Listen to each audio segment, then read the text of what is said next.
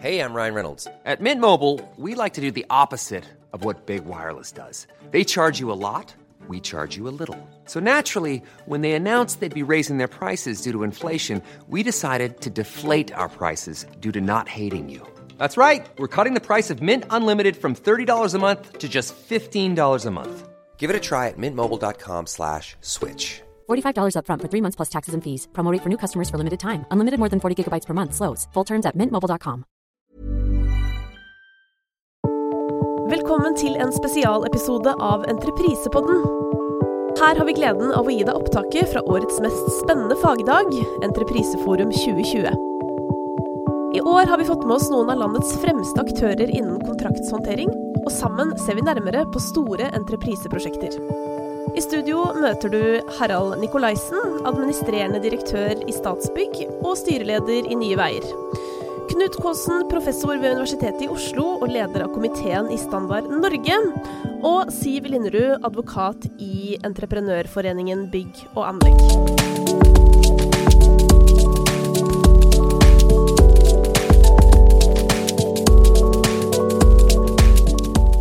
Et sitat som jeg syns var eh, en god start på dette webinaret, er fra samferdselsminister Knut Arild Hareide, som eh, blikker tilbake og, og viser til eh, tiden hans i, eh, som leder av transportkomiteen, eh, hvor ønsket fra bransjen var større prosjekter og mer helhetlige utbygginger.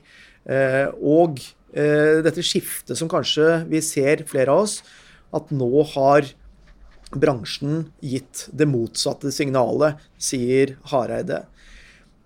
Vi har også sett innlegg, bl.a. dette fra Ståle Rød, konsernsjef i Skanska Norge, som eh, uh, diskuterer i et innlegg i byggeindustrien interessante elementer ved dette med store kontrakter. Og som også viser til at bransjen har etterspurt dette og drevet denne utviklingen frem. Eh, også og viser til at man har ønsket å tilby sin kompetanse og sin erfaring, at det skal få større plass i både konkurransene og kontraktene. Vi ser også andre innlegg. Eh, her er det Arne Giske, konsernsjef i Veidekke, som eh, også peker på dette med enhetlige Eh, utbygginger. Eh, altså Prosjektene blir mer enhetlige hvis man har større kontrakter. Eh, og Giske peker også på et annet interessant element, at konkurransen om jobbene blir stadig hardere. Og Dette er også elementer vi, og temaer som vi ønsker å, å diskutere med panelet i dag. Et også ganske direkte innlegg, får man si, er også eh, på, på, samferdselssektoren. EBA eh, fra Vestlandet har pekt på eh, dette med norske arbeidere, norske entreprenører, og rett og slett eh, hvordan kan de norske aktørene ha mulighet til å konkurrere om de eh, oppdragene som eh, kunngjøres av de store byggherrene. Eh, blir jobbene for store? Og, det er vel påstander eh, i den retning. Men det er mange interessante innlegg, og jeg syns det er reflekterte innlegg. Eh, men hvor man ser at kontrastene eh, i argumentasjonen også er til stede. noen er for, noen er mot store kontrakter, og noen har et mer bilde hvor man ønsker å diskutere f.eks. risikoprofil. Jeg tenkte å stille eh, et litt grunnleggende spørsmål, og kanskje et veldig generelt spørsmål. og kan jo stille det til deg først, eh, Kåsen. Hva er en stor kontrakt på entrepriseområdet? La meg gå rett på sak. Eh, det er ikke mulig å trekke skarpe grenser for hva som er en stor kontrakt, i motsetning til hva som ikke er det. Det tror jeg er en grunnleggende betraktning. Men det er noen særtrekk som er sentrale i denne sammenheng. Og de knytter alle sammen, etter min mening, opp til uh, det grunnleggende spørsmål om behov for styring. Styring er uh, viktig i alle store prosjekter, det vet vi alle. Kontrakten er, som jeg sa, en ganske sentral, et sentralt verktøy for å få til det. og Bransjen har samlet gitt uttrykk for i en undersøkelse som ble foretatt for drøyt et år siden, Eh, at eh, man ønsket en ny standard for de virkelig store prosjektene, med understrekning av eh, styringsredskapene i kontrakten. Og De styringsredskapene de koster penger. Styring vil man gjerne ha i alle prosjekter, uansett om man bygger en garasje eller et sentralsykehus. Men, men det som eh, kjennetegner de store prosjektene, er at de er så store at man har råd til å påkoste seg rett og slett de administrative systemene som det krever å ha et godt grep om prosjektet i alle faser. Hensikten er jo å styre underveis, i stedet for å havne i de evinnelige sluttoppgjørsdiskusjonene forsøke å holde prosjektet operativt på sporet underveis. Ikke spore av med uenigheter som fører til suboptimale optimale løsninger i selve prosjektutførelsen. Og For å få til det, så må man etablere en del systemer gjennom bl.a. kontraktvilkårene som er egnet til å gi styring. Så de store prosjektene, de store kontraktene, det er de som krever styring, hvor man har råd til å skaffe seg styring, hvor man er villig til å bruke de virkemidlene som det krever, selv om det er litt i strid med den tradisjonelle holdningen man ofte har i, hatt, i hvert fall i norsk entreprise og i andre tilvirkningsforhold også, nemlig en mann er en mann og et ord er et ord. Nå skal jeg være langt unna å si at det var før damene kom inn i bransjen i det omfang de gjør nå. Eh, men dere skjønner hva jeg mener. Det er rett og slett behov for litt mer ikke-personbaserte kommunikasjonsformer og dokumentasjonsformer eh, og beslutningsformer. I gamle dager når det var eh, få på, hver side, så var det greit. I de store, nye prosjektene med utskiftning av personell og med stadige utviklinger i prosjektet, så kreves det mer redskaper. Og Det er det bransjen har innsett idet den har bedt Standard Norge om å prioritere i alle standardiseringsbehov man nå har, og det er mange så har man bedt om at man prioriterer arbeidet med store prosjekter. Så et stort prosjekt, prosjekt som krever mer styring enn ellers, og hvor man har råd til å påkoste seg det, og man kan tenke i en standardiseringssammenheng over hvilke mekanismer det krever. Det var langt, jo, men, men, men, veldig interessant. Eh, Nikolaisen, jeg vil bare sende ballen videre til deg, ordet, ordet videre til deg. Eh, du, du, er jo byggherre, ja. Eh, og ikke minst både på bygg- og anleggssiden faktisk, mm. gjennom dine engasjementer. Kan du si litt hva er en stor kontrakt, sånn som du ser det? Ja, det kan jeg gjøre. Og, det er jo interessant å høre på, på Kåsen og hans vurderinger, som, som, jeg er enig i. Og så er det også en observasjon fra min side at altså, hvorvidt en kontrakt er for stor i den debatten vi har nå, blir ofte regulert ut fra om, om den er eh, for stor for norske entreprenører. Ikke om den er for stor for prosjektet eller oppgaven som du har for hånden. Det er jo på en måte så Når man diskuterer store kontrakter i Norge i bransjene våre, så blir det jo ofte størrelse vurdert ut fra passer det det norske entreprenørmarkedet eller det norske leverandørmarkedet ikke oppgaven som skal løses. Og det er jo det er rimelig også, for det er klart at disse investeringene i bygg og anlegg de skal vi jo gjøre for å utvikle konkurransedyktig norsk næring. Så, så jeg legger absolutt vekt på det, men det er mer en interessant bemerkning. Og jeg tenker nok at ingen av oss er tjent med at vi, at vi skal gjøre det til et politisk spørsmål for politikerne på Stortinget hvordan prosjektene skal deles opp. Det, det, tror jeg i hvert fall helt sikkert vi kan si at eh, det spillet er ingen tjent med, for, det må tilpasses. Som også Kåsen var inne på, prosjektets uh, krav til styring. Og jeg tenker at um, men sånn, For å gi litt mer konkrete svar, så tenker jeg at på bygg, byggsida så vil vi vurdere at en kontrakt som begynner å tendere 1 milliard, den, begynner, den er stor.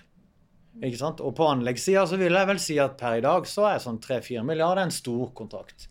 Men så er det sånn at det er ikke bare størrelsen som betyr noe. ikke sant? Det er eh, kompleksiteten i det som skal gjøres, og så er det på en måte risikoen knytta til prosjektet og oppgaven som, som, spiller inn. Det er klart at en, På anleggssida vil det være sånn at en relativt ukomplisert masseforflytningsjobb med lite broer og lite vanskelige tunneler ikke er spesielt krevende for det norske markedet, selv om den er på 3-4 milliarder. Det ser vi, har vi mange eksempler på.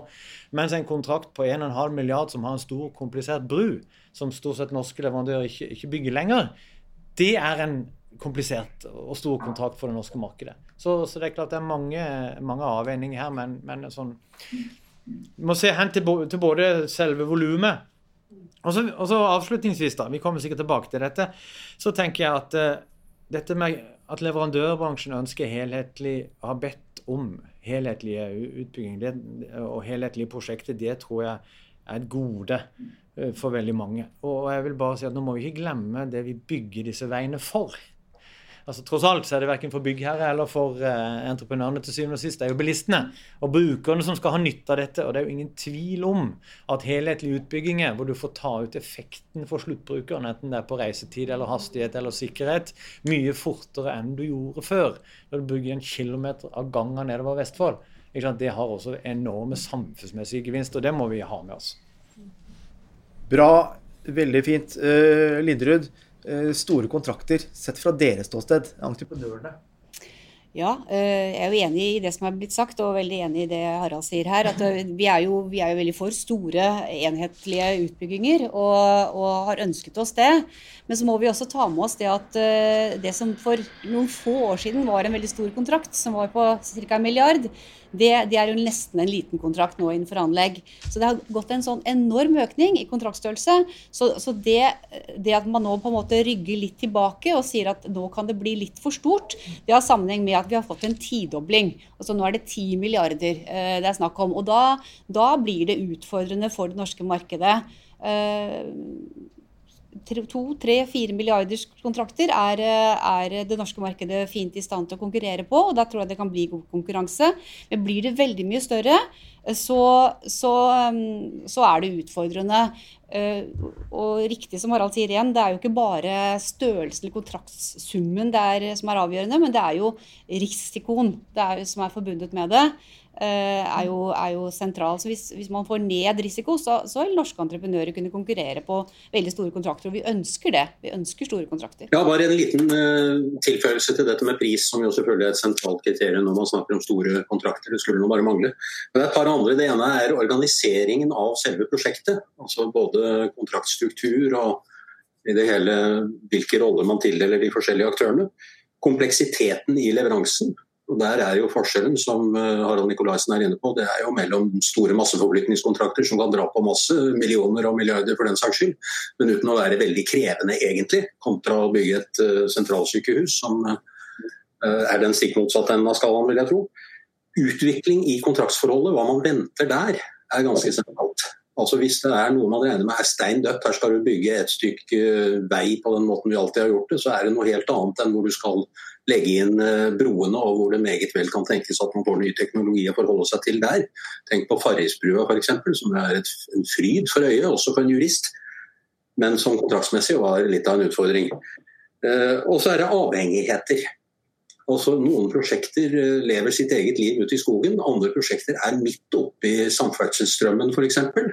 Og de styringsbehov man har i de to situasjonene er ganske forskjellige. Så det er en god del elementer som trekker med når man skal mene noe om hva som i denne sammenheng er et stort prosjekt.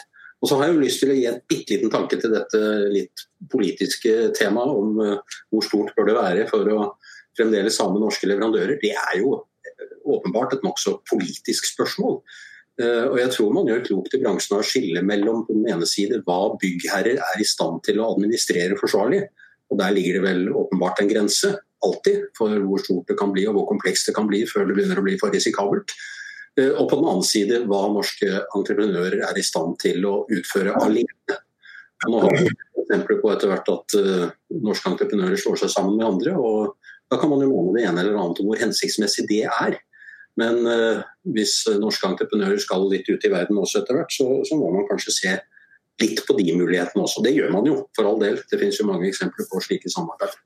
Jeg fant et uh, sitat fra Bettina Sandvin, hun skulle vært med her i dag. Men uh, i et intervju med byggeindustrien så peker Bettina Sandvin uh, Hun er jo direktør for kontrakt og marked i Statens vegvesen. Hun sier at en stor kontrakt gir få grensesnitt, og dermed lettere å tenke helhet med tanke på bl.a. massehåndteringen i prosjektet.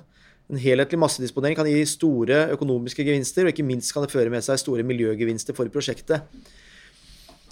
Dette er jo et, eh, et utsagn som, som, er lett å være enig i, men, eh, og kanskje be deg som byggherre Nikolaisen, kommentere det. Er du enig i dette her med, med helheten, at det kan gi måte, effekter som er positive både for prosjektet selv, men også ikke minst for uh, Bettina Sandvin peker på miljøet også? Jo, jeg tenker det, det, er helt, det er helt innlysende at det er sånn. Og, og, og så er det vel altså, Som Siv var inne på, vi har vel ofte en tendens til å se en sånn pendelsvingning. At man svinger, og så svinger man kanskje litt for langt ut da, ikke sant, og blir litt, litt religiøs, og så blir de veldig større, og så blir de større og større helt til man finner ut at de har blitt for store, og så var det en dårlig idé, og så svinger de tilbake igjen til man finner ut at det blir for små, og så er det en dårlig idé, og sånn svinger vi da. ikke sant, att og fram i forskjellige bransjer over tid. Så det gjelder jo på en måte ta de, i hvert fall for som, som bygger, å ta de signalene tidlig nok. Sånn at vi får justert, og at ikke det går ideologi i det. For, for, det er jo ikke sånn at, at, one size fits all, at det finnes noe, noe fasitsvar. Det må tilpasses markedet du er i, og det må tilpasses prosjektets egenart. Men, men vi må heller ikke altså glemme hvor, hvor, hvorfor ønsker man større og helhetlig utbygging. Jo, det var jo fordi at skal du dele opp prosjektet i, mindre biter enn oppgaven egentlig egner seg for, så må du jo drive med en lang prosjektering. da for å kartlegge grensesnittene mellom disse sidestilte entreprisene, som egentlig kanskje ikke er så logiske, men du gjør det av størrelsesmessige hensyn. Og Da introduserer du jo veldig mye annet plunder og heft og unødvendige grensesnitt som du kan slippe. Eh, og så er det antageligvis på samme måte òg, hvis du hadde vært tjent med å dele opp et prosjekt fordi at det er naturlige avgrensinger som gjør at du treffer markedet bedre, så bør du gjøre det i de tilfellene også. Eh, og, og, men det vi kanskje ser veldig store effekter av, er jo slutteffekten for brukerne. Ved at du kan sette i gang et helhetlig anlegg og du kan produsere raskere, bl.a. pga. massebalanse og effektiv utnyttelse av maskinparken, som jo for mange av prosjektene er den store kostnaden. Så, så det er jeg helt enig med, med, med Bettina i det. Eh, I kjølvannet av det du sier, Nikolaisen, eh, på byggsiden så er det kanskje litt annen eh, Vi, ser for så vidt eksempler på mm. både store totalentrepriser som favner om mange fag, men det er også denne, en del prosjekter som gjennomføres med, med oppdelte entrepriser, hvor mm. man går mer på de ulike fagene i prosjektet. Kan du mm. si litt om de avveiningene dere gjør på byggsiden? Ja, og, og det er klart at um, det, det, som I hvert fall hvis du snakker litt kompliserte bygg, da? Som, som et sykehus, som, som er inne på, eller et nasjonalmuseum, eller et komplisert laboratorium, eller et universitet, så, så jo, har du ofte det dilemmaet at, at, at programmeringen og brukermedvirkninga blir veldig viktig. Og et sånt prosjekt kan jo ha en lang gjennomløpstid fra ideen kommer til det er ferdig. Det kan jo snakke om ti år. Og det er klart da er det veldig vanskelig kanskje å beskrive en helhetlig totalentreprise ved oppstarten som kan dekke alle utfordringene på en hensiktsmessig måte og gjøre at du får gode mekanismer for å prise alle de endringene du vet du vil komme uansett. Så det er nå én ting, tenker jeg, som, som, som gjør at brukermedvirkningen er mye tettere. Og det kan gjøre det vanskelig å ha lange, store totalentrepriser på byggeprosjekter med lang gjennomløpstid og stor endringskraft ute. Det kan være én ting. Og så er, og, og, er um, ja, så er det mange andre forhold også som gjør det. Men vi ser jo også på bygg en glidning mot uh, mye større totalentrepriser og mye større grad av samhandlingsentrepriser, hvor man bruker mer tid på forhånd i å kartlegge hvilke risiko som er involvert. For, for som Kåsen og mange andre er inne på, det er jo veldig viktig at vi får fordele risikoen korrekt. Eh, men du, endrer, du entrer kanskje ofte inn i kontrakter hvor du ikke har brukt nok tid i opphandlingsfasen, så det er ingen egentlig som veit hva som er risikoen. Og da har du ikke noen garanti for at du fordeler den rett. Så en sånn samhandlings På de kompliserte byggene så, så tror vi at det er noe å hente på det. Før du går inn i en totalentreprise og kartlegger risikoen bedre. Og det, det gjør kanskje at du kan klare større kontrakter. For du har på en måte et sikkerhetsnett før du må forplikte deg. Nettopp. Hvordan ser du på dette, Lindrud? Dette med grensesnittene, som er jo selvfølgelig kompliserende også for entreprenørene, vil jeg tro. Det å forholde seg til mange grensesnitt, snarere det å kunne ha øh, større grep om, om, øh, om, fremdriften i prosjektet, og kanskje også planleggingen av prosjektet i eget hus. Mm. Nei, som, som, jeg sa, så, så, er vi absolutt uh, for store kontrakter. Nettopp av det. Man har en mer hensiktsmessig kontraktsgjennomføring, mindre grensesnitt, og dermed antagelig også mindre konfliktområder. Uh, Eh, så, så, men hvor grensen går mellom hva som er en stor kontrakt som er bra, eh, og en for stor kontrakt Jeg tror egentlig eh, det rådet som vi eventuelt kan gi fra EBA, det er at man må snakke med markedet. Det er veldig viktig, for det er avhengig av hvor kontrakten er, hva slags kontrakt det er. Og, og, for å få en god konkurranse, så er det på en måte at markedet får en slags forutberegnelighet, vet hva som kommer, og får på en måte gi innspill på både eh, entreprisemodell, hva egner seg her? Er det totalentreprise som er best? Er det samspill? Er det kanskje en beskrevet entreprise som er best, som vil gi best konkurranse? Eh, også gjerne på anskaffelsesmetode osv. Men dialogen med markedet det tror vi er helt sentralt for å få til en god konkurranse. Og da vil man også få et svar fra markedet på hvor, hvor, eh, hvor er den mest hensiktsmessige oppdelingen av kontraktene. Ja, nei, litt oppfølging eh, til eh, Linderud på det.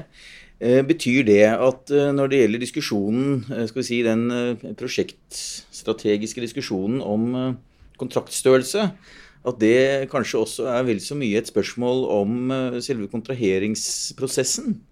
Altså hvor dialogen med markedet og med aktørene kommer inn. Altså at vi er inne på, eh, på det. At man da kan tåle større mm.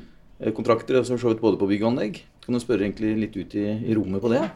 Ja. ja. jeg mener absolutt det. Og på store kontrakter, hvis man tenker seg at man bruker litt kompliserte anskaffelsesmetoder, altså eh, konkurransepreget dialog og sånn, som er omfattende og som krever mye av partene, så er det allikevel verdt det hvis det er en ordentlig stor kontrakt. Og da vil man kunne avklare mange forhold i, i forkant og få, få, et bedre prosjekt, rett og slett. Så jeg tror det kan ha stor betydning. Og hvilken entrepriseform man går for også, har, har stor betydning for, for, hva slags kontrakt, hvor stor kontrakten kan være. Knut Kaasen, du har jo også vært eh, leder og, og eh, medlem av flere konfliktløsningsråd i store prosjekter. Kan du si litt om Hvilken utfordring er det du ser i, eh, gjennom, gjennom, de eh, engasjementene eh, som deltaker i konfliktløsningsråd i store kontrakter? Jeg tror jeg vil begynne med behovet for familiemegling. Når man i et godt gammelt ekteskap støter på ting som er litt vanskelig å håndtere på egen hånd, så er det jo veldig mye hyggeligere å gå til en god venn som kjenner begge, og be om litt bistand, litt synspunkter, litt bearbeiding, enn å gå til det kommunale meglingssystemet. Vil jeg tro for de fleste. Og Det tror jeg gir en god innfallsvinkel til å tenke på prosjekttvister også. Altså tidlig, tydelig. Det er stikkord. Ta tak i det så tidlig at det ikke har rukket å vokse seg stort, ikke har ført til masse ekkel kjemi og alt det der. Og bring inn de som skal hjelpe deg fra så tidlig i prosjektet at de kjenner prosjektet, kjenner folkene, blir kjent av folkene. Man får en, en effektiv kommunikasjon på alle mulige vanskelige ting fordi man rett og slett har en lav terskel. Man kjenner hverandre. Så For meg er det sentrale ved Prime det er tidlig og tydelig. altså Tidlig inn etablere grunnlag for å snakke ordentlig om ordentlige ting. Det er profesjonelle parter, dette her. De vet hva de snakker om, men de må kanskje ha litt hjelp til å identifisere hvorfor de er uenige om noe. Det er ikke fordi de er ondsinnet eller fordi de er dumme, vanligvis. Det er fordi de rett og slett av profesjonelle grunner har forskjellig syn på det. Og det er utrolig, jeg har opplevd en god del netter, det er utrolig hvordan man kommer i den type konfliktbehandling når man greier å identifisere hva årsakene til uenigheten er. For da koker det ofte ned til at vel, vel, er, eh, du ser sånn på målregelen, jeg ser sånn på målregelen, hva gjør vi med det? Da er man kommet langt fremfor at man slår, slår hverandre i huet med krav og avslag. Så Dette kan man snakke masse om, men altså det å få inn folk tidlig som kjenner forholdene, og som derfor på et lav terskel kan eh, hjelpe partene, det tror jeg er et umistelig gode. Og Det leder også frem til det jeg var innom i sted. Man slipper å skyve på alt til sluttoppgjøret det er en tragedie. Da må du rekonstruere et prosjekt på et tidspunkt hvor ingen er interessert i å bruke mer tid på det prosjektet, men så må de. Nikolaisen, du eh, hadde kommentar til dette? Jo, eh, jeg er veldig, veldig enig i det. og Vi har sett veldig gode effekter av Prime på en del veldig store anleggsprosjekter hvor, hvor tvister blir løst. og det, Jeg tenker det er veldig viktig å løse uenigheten mens problemene er varme. holdt på å si. Mens du har et forhold til de, og de er varme. Og, og som byggherre så er jo på en måte, hvert fall jeg er veldig opptatt av at du må innimellom renonsere, ikke sant? for du har ikke rett hele tida. Og hvis vi skal gi penger, så vil vi gjerne gi dem mens vi får noe igjen for pengene. Og Det betyr så tidlig som mulig. For da får du godvilje, du får godt samarbeid, ikke sant? og du smører maskineriet, og du, og du får mange effekter ved å løse ting underveis. og og, gi de pengene du uansett må gi, for ingen har rett på alt hele tida. Gi de så tidlig som mulig. Det, det fremmer samarbeid og øker effektiviteten i prosessen framfor å, å, måtte bli tvunget til å gi omtrent det samme uten å få noe igjen i sluttoppgjøret. I tillegg har skapt masse plunder og heft underveis. Og så tror jeg det er helt riktig det som er sagt, at um, store prosjekter er um, eksponentialt, eller i hvert fall megaprosjektet er eksponentialt mer komplisert enn en mellomstore prosjekter. Og det tror jeg nok at uh, den norske kanskje særlig, både bygg og anlegg, og, og, kanskje også til dels i særlig grad tekniske entreprenører på bygg, har lært seg på den veldig vonde måten. At blir, blir, organisasjonen din over 25-40 personer på byggeplass, så er det en egen virksomhet som er i stand til å skape arbeid til seg selv bare med formaliteter og, og referater, hvis ikke du gjør det på riktig måte. Så det, det tror eh, Kåsen har helt rett. Den er, eh, den er i hvert fall eksponentiell. og det, det krever noe annet. Det krever en annen struktur og det krever en annen kompetanse. Noen norske entreprenører har klart det. Eh, noen har valgt å ikke ta de store. For de innser at det er ikke for de. De går heller inn som underleverandør, og noen har prøvd og brent seg på det. Er det vilje til samarbeid mellom oppdragsgiver og leverandør i store kontrakter? Og hva gjør man når samarbeidet skjærer seg underveis? Hvordan får man det på rett kjøl igjen? Det vil Kåsen svare på. Er bra. Jeg vil i hvert fall tenke litt omkring det. fordi uh, Min erfaring med de tingene der er at uh, altså man kan ha store profesjonelle organisasjoner på begge sider med AS-er og greier etter hverandre. Men det er ikke det det dreier seg om. Det dreier seg om mennesker. Og mennesker har personlige relasjoner. Mennesker som uh, opptrer i forhold til andre mennesker, har behov for å bli hørt, har behov for å bli forstått, har behov for å forstå hvorfor man ikke er enig med en annen osv. Helt normale kommunikasjonsmessige ting. Og jeg tror at uh, Den beste middelen til å hjelpe parter til å løse ting underveis, er rett og slett å klappe dem litt på hodet, servere dem kaffe og si at ikke ta det så tungt. Det er sånn i store prosjekter. La oss nå sette oss rolig ned og finne ut hvorfor mener du det du mener? Hvorfor mener hun det hun mener på den andre siden? Og hva gjør vi med det? Og så ta det steg for steg. Det som kjennetegner alle de prosesser av den typen jeg har vært inne i, er at man aner ikke hvordan man skal gjøre det når man begynner med den. Men det går seg til underveis, ut fra det felles mål at vi prøver å finne ut av det. rett og slett. Snakk ordentlig om ordentlige ting. Vær tydelig. Og det er, jeg pleier å si at En side ved entreprise som jo er veldig sjarmerende, syns jeg, det er evnen til å snakke tydelig om ting. Ta en spade og kalle den en spade. Det er et umistelig gode, og vi må ikke bli så profesjonelle at vi mister den evnen. Bra råd. Uh, Linderud, du vil kommentere dette? ja, jeg er jo helt enig i det Knut sier. Uh, jeg tror det er veldig vi har vel sett at det, det har utviklet seg en viss mistillit mellom partene. Eh, liksom generelt at man på en måte ikke har den gode dialogen. Jeg tror eh, For å motvirke det, så er det helt avgjørende det Knut sier, at man på en måte får tidlig et, et, eller annet fora for å diskutere ordentlig og se hverandre som, som, som mennesker og, og, som prosjektmedarbeidere. Slik at man ikke utvikler en sånn skyttergravsholdning som etter hvert vil eh, innebære at man så mister tilliten til hverandre. Og da er, ute, da er man ute å kjøre. Jeg er egentlig litt, altså Det er litt rart med disse, denne for så vidt, uh, debatten, fordi den flyter jo videre som en elv.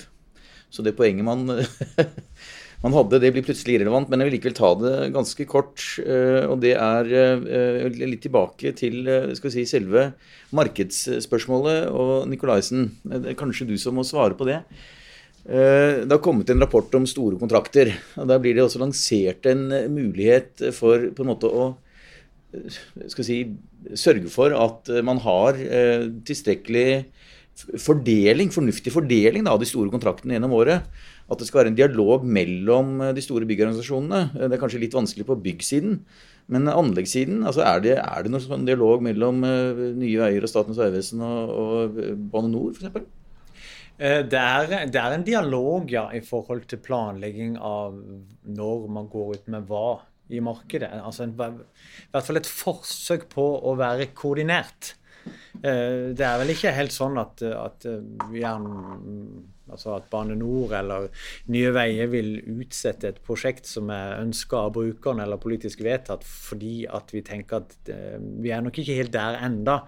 Men, men det, å prøve, det å prøve å, treffe det å prøve å, å, ikke komme ut med mer i markedet enn det markedet kan absorbere, er jo ekstremt viktig. Og det koordinerer man på. Men fortsatt er det noe, og jeg vil si heldigvis, sånn at det er prosjektenes egen art som bestemmer hva slags eh, kontrakter vi setter ut. Ikke hva entreprenørbransjen har kapasitet til i det jobben skal gjøres. For kommer vi dit, så kommer vi helt ut å kjøre.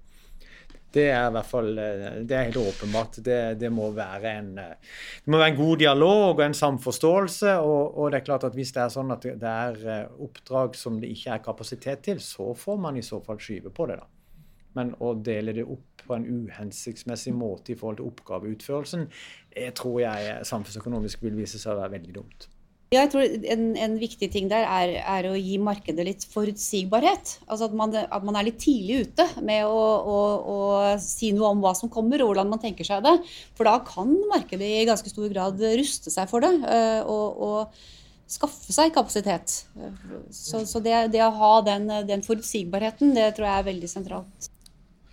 Jeg ønsker at vi skal uh, snakke litt om risiko. Det er jo et uh, tema og et begrep som, uh, som, går igjen i de fleste diskusjoner. Men risiko Dere har vært inne på det alle sammen, men risikoen i de store kontraktene Og dere har pekt på samarbeid og dette med tvisteløsning. Men en ting som dere kanskje ikke har sagt like mye om, kompetanse hos de som styrer prosjektene, og som er eh, både prosjektledere, byggeledere, anleggsledere og andre.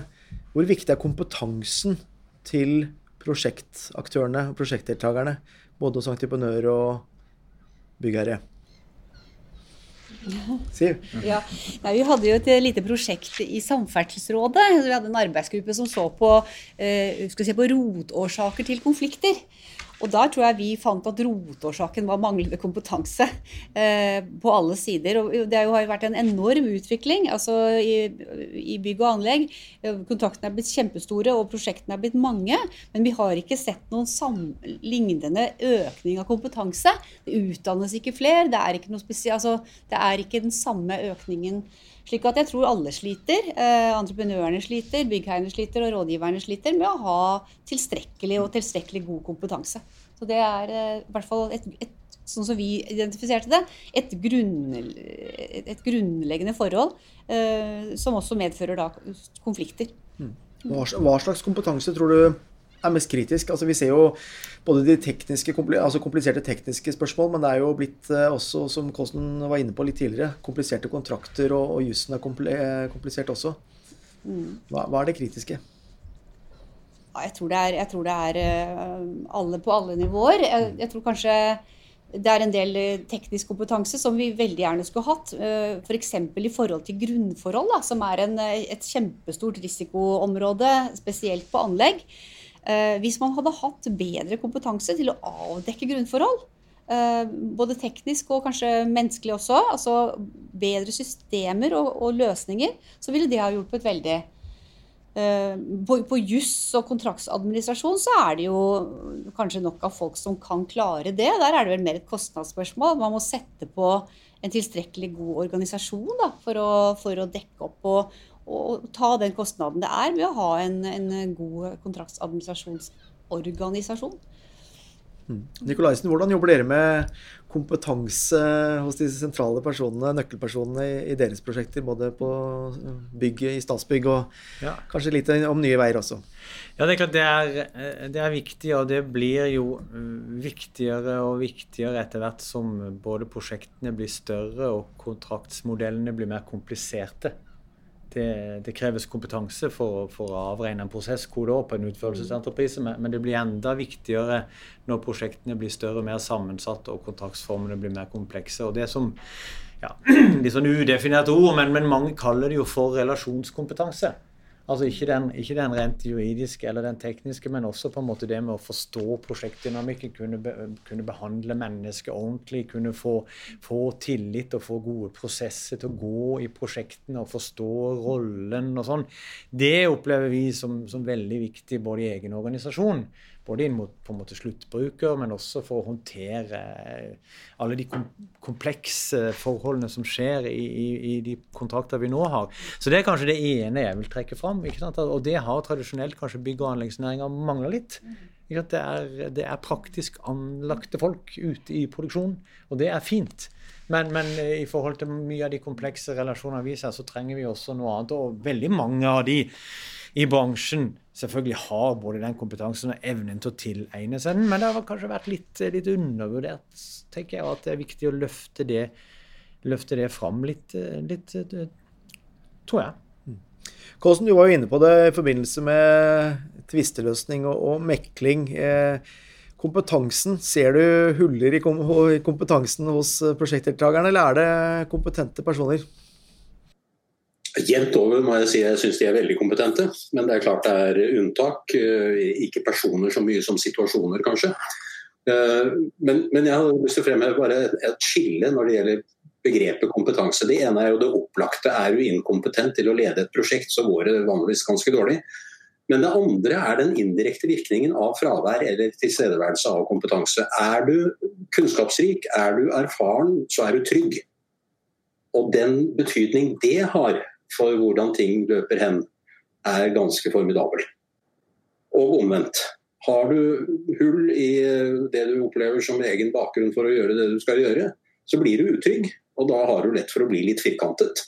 Og Har du to av den typen, en på hver side, så kan selv ganske små og oversiktlige greier bli litt uoverstigelige. Og igjen, Jeg har en veldig tro på selvfølgelig utvikling av kompetanse, det sier seg selv, men også at man får litt bistand av en vennligsinnet. Som ikke bestemmer, men som hjelper. Men hvordan er det med eh, bransjen, både på bygg og anlegg, har jo Eh, benyttet i stor grad utfyllelse av antipriser, og så skal man bruke totalentrepriser, som, eh, som flytter jo på særlig ett grensesnitt, nettopp dette med prosjektering. Vi har hørt uh, Nikolaisen snakket om samspill og kanskje også andre, andre samarbeidsformer. Hvordan preger dette prosjektene, slik du ser det, Kåsen? Altså jeg, jeg, var litt inne på det der at man øker muligheten og øker risikoen innenfor en større ramme som ligger på en totalkontrakt, i motsetning til en utførelseskontrakt.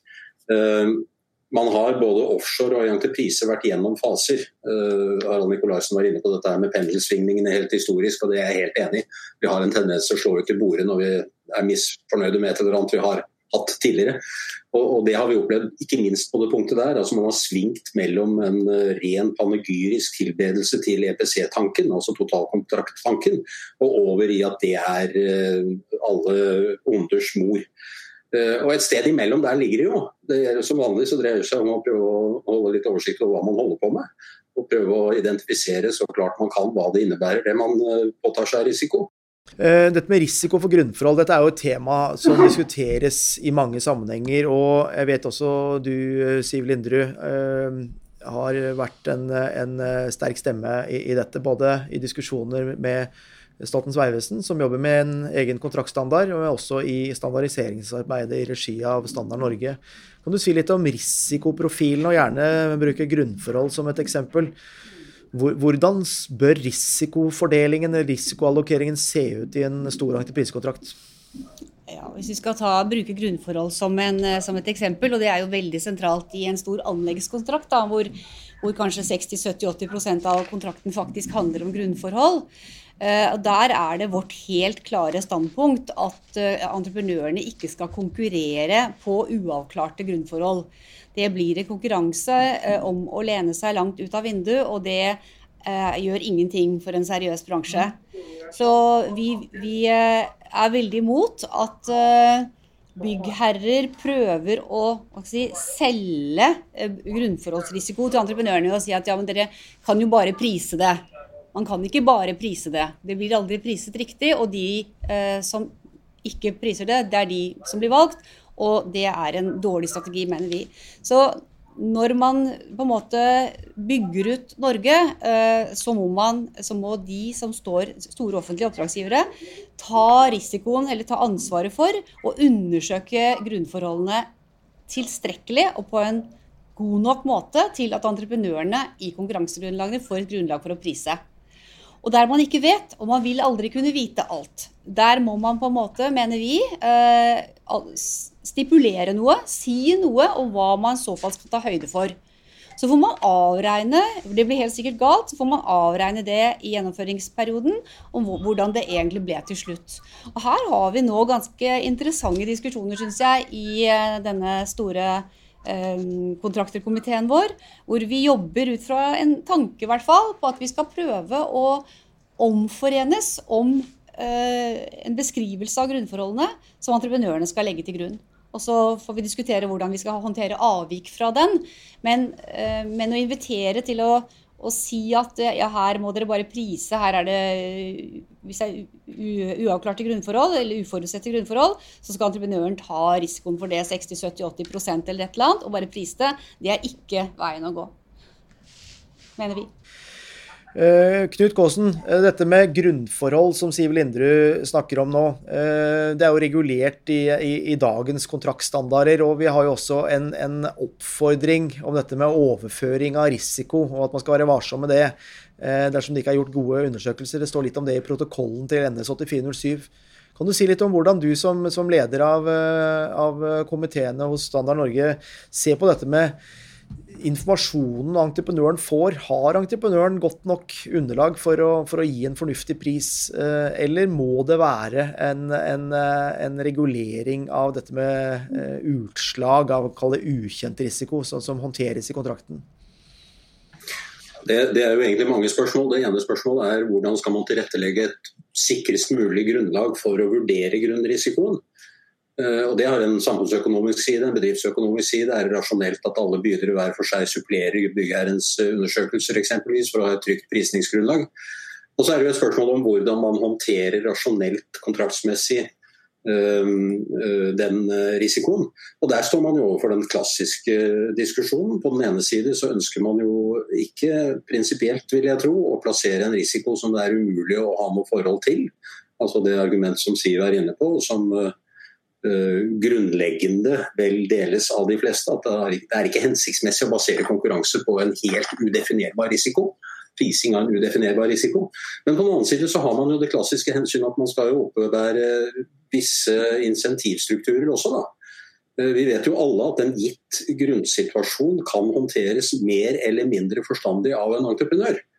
Eh, og Hvis man fritar entreprenøren fullstendig fra all risiko for håndtering av grunnforhold, så vil man jo kunne risikere å ødelegge alle de incitamentene. Det er det jo ingen, eh, heller ikke entreprenører, vil jeg tro, som, som gjennomsnittlig i hvert fall mener er en god ordning. Så Utfordringen er jo igjen, som den ofte er i sånn standardkontraktsutvikling, det er å prøve å finne et godt grep om noe som egentlig er nesten uh, umulig å snakke om. For det er så vanskelig. Det er så stort spekter av variasjoner. Eh, at, eh, og, og, dette er for meg kanskje det beste eksempel på at det er ikke egnet å drive og herje med dette her i hver enkelt kontrahering. Det er eh, en risikosport som man definitivt må advare mot. Dette er ting som er så vanskelig at det er nesten ikke mulig i standardforhandlinger hvor man har god tid på seg, dyktige folk som sitter rundt bordet og deler tanker. Og ikke sitter i en sånn akutt kontraheringssituasjon. Selv i de forholdene er det der vanskelig. Men altså, et spørsmål er hvordan tilrettelegge for at man har sikrest mulig informasjon. Dernest hvordan avspeile risikotagning på det grunnlag mot insentivstruktur. Det tror jeg er noen stikkord. Nikolaisen, Eh, som byggherre. Du får, du får, ta den rollen i dag. Eh, hvordan jobber dere med, med risiko? Eh, og si litt om grunnforhold, grunnforholdsrisiko, som, som, vi ser har fått store utslag. Vi, vi leser om det i, i, pressen. Store uenigheter, tvister for domstolene. Og hvor, hvor beløpene knyttet til nettopp grunnforholdsrisiko er svært store. Veldig stor. Og jeg tror det som er helt sentralt, er, er jo at vi må, vi, vi må ikke ha et um, Legge opp til prosjektet eller anskaffelsesprosesser hvor vi spekulerer i risiko. Legge opp til at det skal, det skal være det som driver. Eh, heller må det legges opp til at prosessen og kontrakten er sånn at vi, at vi får bidra til å avdekke hva risikoen er sånn at den best mulig kan håndteres. For problemet er jo ikke at grunnforholdene forandrer seg underveis. Eh, eller fra, fra tidspunkt du gir tilbudet til, til, du begynner å jobbe. Grunnen er som den er. Det er bare det at vi sitter på, på utilstrekkelig informasjon. Og, og, det er jo også sånn at uh, i noen tilfeller så vil de som skal gjøre jobben, være de som best kan undersøke risikoen og utnytte det til sin fordel. Så jeg, jeg opplever at ikke det er noe enkelt svar på det. Og det å lage en sjablong om at så mye skal byggherren ta Vel, nesten alle de, de tenkbare modellene jeg kan se for meg innenfor dette, vil kunne brukes til å spekulere i en konkurransesituasjon. Eh, så jeg tenker at prosessen rundt hvordan skal, vi skal få avdekka risikoen på grunnforhold, og la det være en del av konkurransen for dyktige entreprenører til hvordan de best kan forholde seg til det, det tenker jeg er helt avgjørende. Det er der de store penger går også på mange kontrakter. Og, og um, vi har jo også i noen tilfeller som har kunne vært interessant å spurt f.eks. AF og Hære om det, om hvor vellykka det har vært fra deres side. Men, men, jeg vet jo at eh, i Nye Veier så har vi jo hatt eh, sånn en mulig opsjon. Ikke sant? At entreprenøren kan, hvis de ønsker, prise hva de er villig til å overta grunnrisikoen for. Gitt at de syns at grunnundersøkelsen er tilstrekkelig, og de får anledning til å gjøre de nødvendige undersøkelser de trenger før de gjør det. Og det har de faktisk eh, gjort ved et par tilfeller hvor byggherre har syntes at den prisen er så god at det er greit for oss. Så, så det er mange måter rundt dette. Og jeg, og jeg, det, det, det, kan slå fast at dette er ikke enkelt. Vi skal passe oss for enkle løsninger på kompliserte spørsmål. Liderud, du var inne på dette med eh, litt tidligere konkurransefasen, og du nevnte også konkurransepreget dialog. Eh, kan konkurransefasen eh, avhjelpe denne, denne vanskelige det, håndteringen av, av, risikoforhold? Supplerende undersøkelser kan være noe. Dialogen med byggherren i i en tidlig fase. Hva er deres erfaringer? Ja, det kan den helt sikkert, men, men, det er avhengig av at den dialogen finner sted før entreprenøren skal gi sin pris. Fordi at den dialogen som finner sted etterpå, altså på en måte at man har en alminnelig anbudskonkurranse, kanskje med forhandling, men den forhandlingen er veldig begrenset. fordi eh, man kan ikke gjøre vesentlige endringer i konkurransegrunnlagene. og Man kan heller ikke fremforhandle vesentlige endringer. Da vil jo konkurransen måtte avlyses. Så, så det er veldig lite man kan gjøre. Så og også et, å forhandle og diskutere løsninger etter at kontrakten er inngått, det er sikkert praktisk og bra. Jeg mener ikke at man ikke skal gjøre det, men det, det har ikke noen betydning for risikoplasseringen. For når man først har gitt eh, en pris, så er det at du da etterpå får vite at ja, her har du påtatt deg enormt mye risiko, det du har planlagt å gjøre, det kommer ikke til å gå. Det hjelper ikke entreprenøren. Eh, så, så den, den, dialogfasen den må da finne sted på et tidligere tidspunkt. Mm, mm dette, dette, med supplerende undersøkelser og, og, og diskusjonen mellom entreprenør uh, og byggherre, og selvfølgelig med bistand av flinke rådgivere, sikkert på begge, begge sider. uh, hvordan kan man legge opp til en fornuftig diskusjon om det litt ukjente Nikolaisen er inne på dette med at man, altså Grunnforholdene er jo som de er, men, det handler om å finne best mulig informasjon. Er det noen spesielle forhold som dere ønsker dere i den fasen der? Vi ønsker oss jo at, eh, at, det skal avdekkes så mye som mulig. Eh, og man kan sikkert gjerne ha en dialog på, på hvilken måte det best mulig kan gjøres.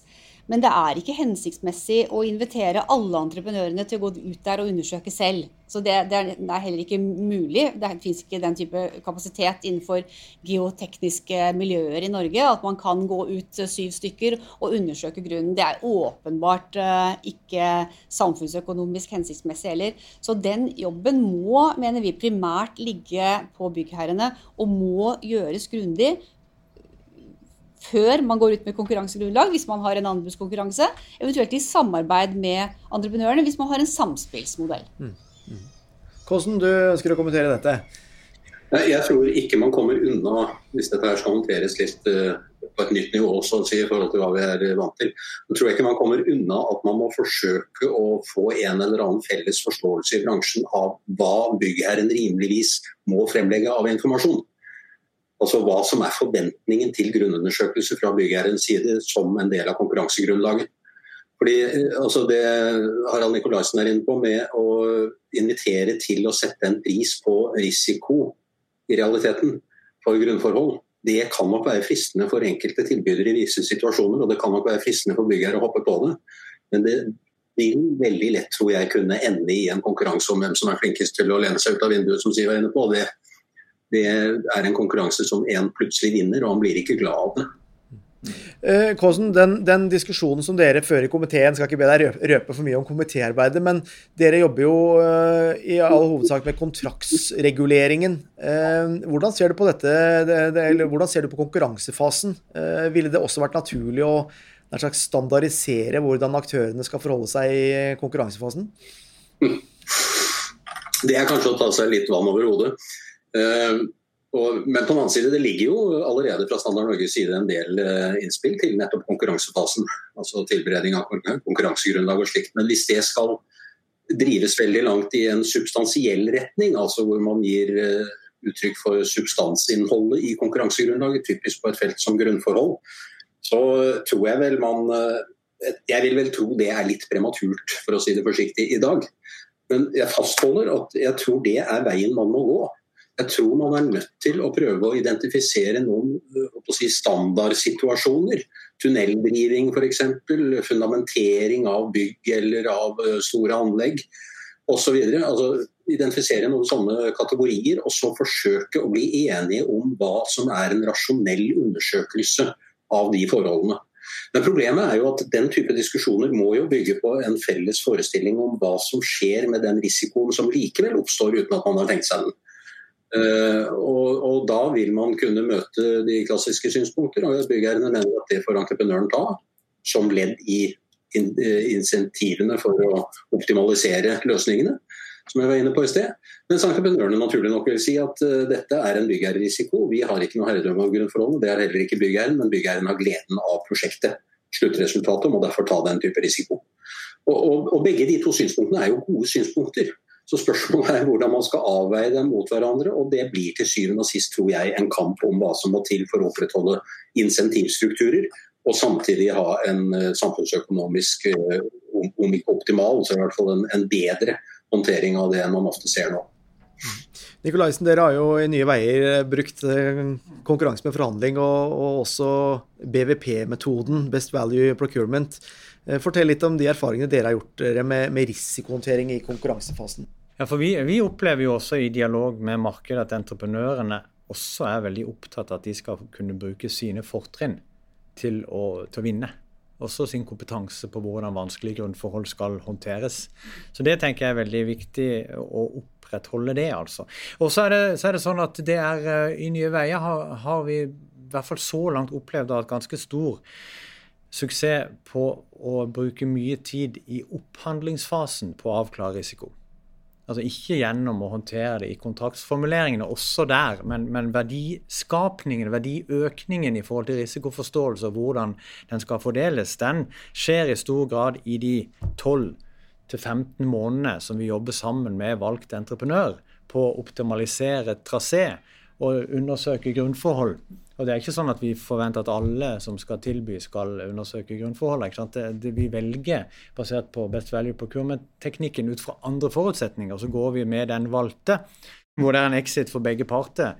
Eh, når vi står ved enden av samhandlingsfasen, og optimaliserer linje og jobber oss inn i felles forståelse av eh, hva som ligger der av risiko for grunnforhold. Og Da mener jeg det er relevant også å kunne ha en opsjon om at det er entreprenøren villig til å ta, for han kjenner det så godt at han syns det er mer rasjonelt å se en gevinst.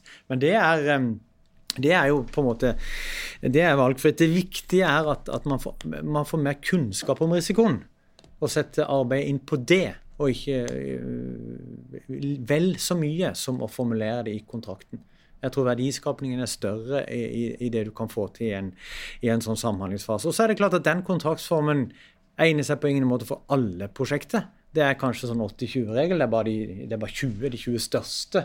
Den type måte å jobbe på egner seg for.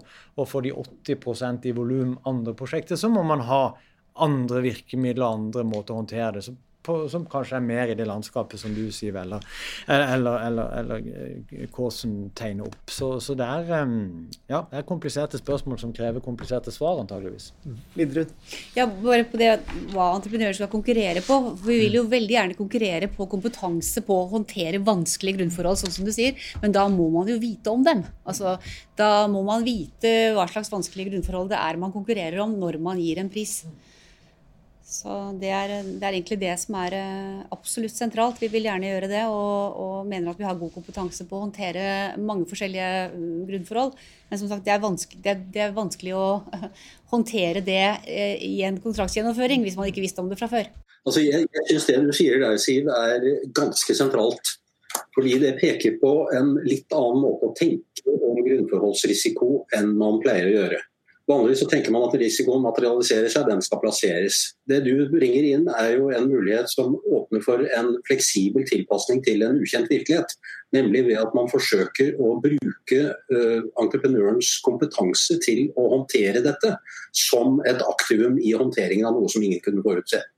Er det mulig å tenke seg kontraktstrukturer, vederlagsstrukturer først og fremst kanskje, som uh, gjør det mulig å få frem den siden av entreprenørens eh, verdibidrag til prosjektet, uten at det går for mye ut over insentivordningene.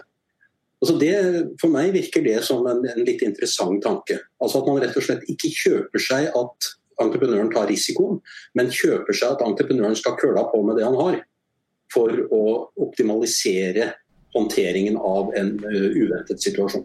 Du nevner vederlagsformat og, og, og, og risikokåsen. Dette er jo veldig interessant. Vi ser i noen kontrakter, egentlig veldig mange av disse store kontraktene, at man konkurrerer om en rundsum og egentlig en fast pris definert uten noen mulighet for regulering. Mens vi ser noen prosjekter hvor man begynner, flere tunnelprosjekter bl.a., hvor man åpner opp for å regulere bl.a. på sikringsmengde. Hva tenker du om det, Nokolaisen? Vil det kunne bidra til å til å håndtere den risikoen som vi snakker om? Ja, ja, ja det tror jeg nok. Uh, og, og, det er klart at um, det er jo også ja, det er jo også forskjell på kontraktsform og oppgjørsform. Så selv om vi snakker om totalentreprise, så er det jo en, en hel rekke mulige oppgjørsformer under en sånn totalentreprise, i tillegg til at du har mange måter å opphandle det på. Og vektlegge hvordan du skal prise det. Så det er klart at det er mange områder hvor man kan gjøre noe med det, tenker jeg. Er veldig bra. Vi har tid til noen spørsmål mot slutten. Vær så god, Madeleine. Ja. Eh, dette er jo et spørsmål fra meg, da. Eh, og det er jo, hvis man løfter seg litt opp fra det vi snakker om nå, eh, i hvilken grad skal føringene for store kontrakter legges av politikerne? Skal de Eller skal det, føringene komme fra bransjen selv? Vi ser jo det er jo eh, noen organisasjoner sånn som MEF, de ber jo om politikernes mm. hjelp til å legge noen føringer. Så det kunne mm. vært interessant å høre med dere hva dere tenker om det. Jeg, hvis jeg får lov til å spille inn noe på det, så syns jeg det er nokså åpenbart at noen typer rammer må jo naturligvis politikere gi i form av f.eks. For budsjetter til byggherrer, offentlige byggherrer. Og, og eh, forutsetninger for eh, infrastrukturutbygging av forskjellige karakterer og sånt, og det sier seg selv. Men det er jo bare det som definerer prosjektbehovene. Og hvordan de prosjektene så skal gjennomføres, det må være opp til bransjen. Altså Hvis politikere begynner å herje med det, da har vi gjort noe alvorlig gærent i effektivitet i kongeriket. altså. Um, ønsker EBA å utvikle norske prosjektledere til å styre norske kontrakter som kan eksporteres til utenlandske bygg- og anleggsprosjekter, eller er det nok med det norske markedet? Ja, det, det, Jeg tror eh, norske entreprenører også gjerne ser på det utenlandske markedet. Vel, eh, vi har utenlandsk konkurranse i, i, i, Norge, så hvorfor ikke andre veien? Eh, så, så ja, det vil jeg absolutt tro. Mm. Bare, bare, litt sånn i forhold til norske og utenlandske fra, fra Nyes Veiers perspektiv, da. At, at 30 midten av det som må kalles store eller megaprosjektet, så er det vel ja, det, er syv, det er syv av 13 prosjekter hos oss som er over 2,5 milliard. Altså bare sånn for å få noe tall på det. Så, så de fleste er over 2,5 milliard. Det er jo en veldig annen virkelighet enn det som var for fem-ti år siden. Helt annen virkelighet. Det er interessant. 80, 80 av disse kontraktene er vunnet av norske leverandører. 20 er utenlandske. Så, så likevel så konkurrerer de norske veldig godt. Og, og når utenland, utenlandske eh, tar lead, så er det ofte pga. store, kompliserte brukkonstruksjoner. og at det utgjør en dominerende del. Så, så fakta, i hvert fall sånn som vi ser, er at store kontrakter konkurrerer norske anleggsentreprenører godt på. Og så er det klart det er en kapasitetsendring og det er tak, og det er ikke sikkert dette virker inn i evigheten. Men så langt er det vår, er det vår oppsummering. Og vi har også sett i løpet av de siste fem år en ganske stor endring fra at det var utenkelig for norske mellomstore å gå inn som underleverandør til utenlandske entreprenører, til at det faktisk nå er vanlig praksis. Eh, så, så, det er jo også noe som, det skjer jo også en utvikling i bransjen som vi må, bare må ha med oss når vi forteller historien og diskuterer det. Så er det ikke sikkert at den er lineær og fortsetter videre framover, men det er i hvert fall sånn vi opplever det så langt på fem år. Harald, eh, du har en ja, Veldig kort. Begynner å, begynner å nærme seg uh, slutten nå. Men jeg syns det er interessant uh, dette med, med, betydningen for det norske markedet. Altså i hvilken grad Eller har dere, har dere noen oversikt over i hvilken grad skal vi si, norske entreprenører samarbeider med utenlandske entreprenører, enten i en over-under-posisjon eller en joint venture i det norske markedet? Ja, Det har dere antagelig oversikt over? Er det Eh, altså, ja, vi har, vi har, jo selvfølgelig det. Jeg har, ikke, jeg har ikke, alle de tallene sånn i huet her vi sitter nå. Men det vi jo kan se, er at joint ventures er veldig mye mer vanlig for utenlandske entreprenører i Norge enn for norske entreprenører i Norge. Og det er nok pga. konkurranselovgivninga at norske entreprenører er veldig engstelige for hva som kommer til å skje hvis de går inn i joint venture. Og det oppleves nok, tenker jeg, som en hemsko for å utvikle alternative leverandører og, og, på en måte utvikle bransjen og konsolidere seg. Så det ser vi ganske tydelig, og det er nok ikke nødvendigvis noe bra tegn at utlendinger føler lettere å bruke den mekanismen i Norge enn det norske entreprenører tør. Jeg opplever de norske entreprenørene veldig tydelige på at de er usikre på konkurranselovgivning og konkurransetilsyn, så de tør ikke. Og det er på mange måter en tapt mulighet, tror jeg. Takk for at du lyttet til denne spesialepisoden av Entreprisepodden.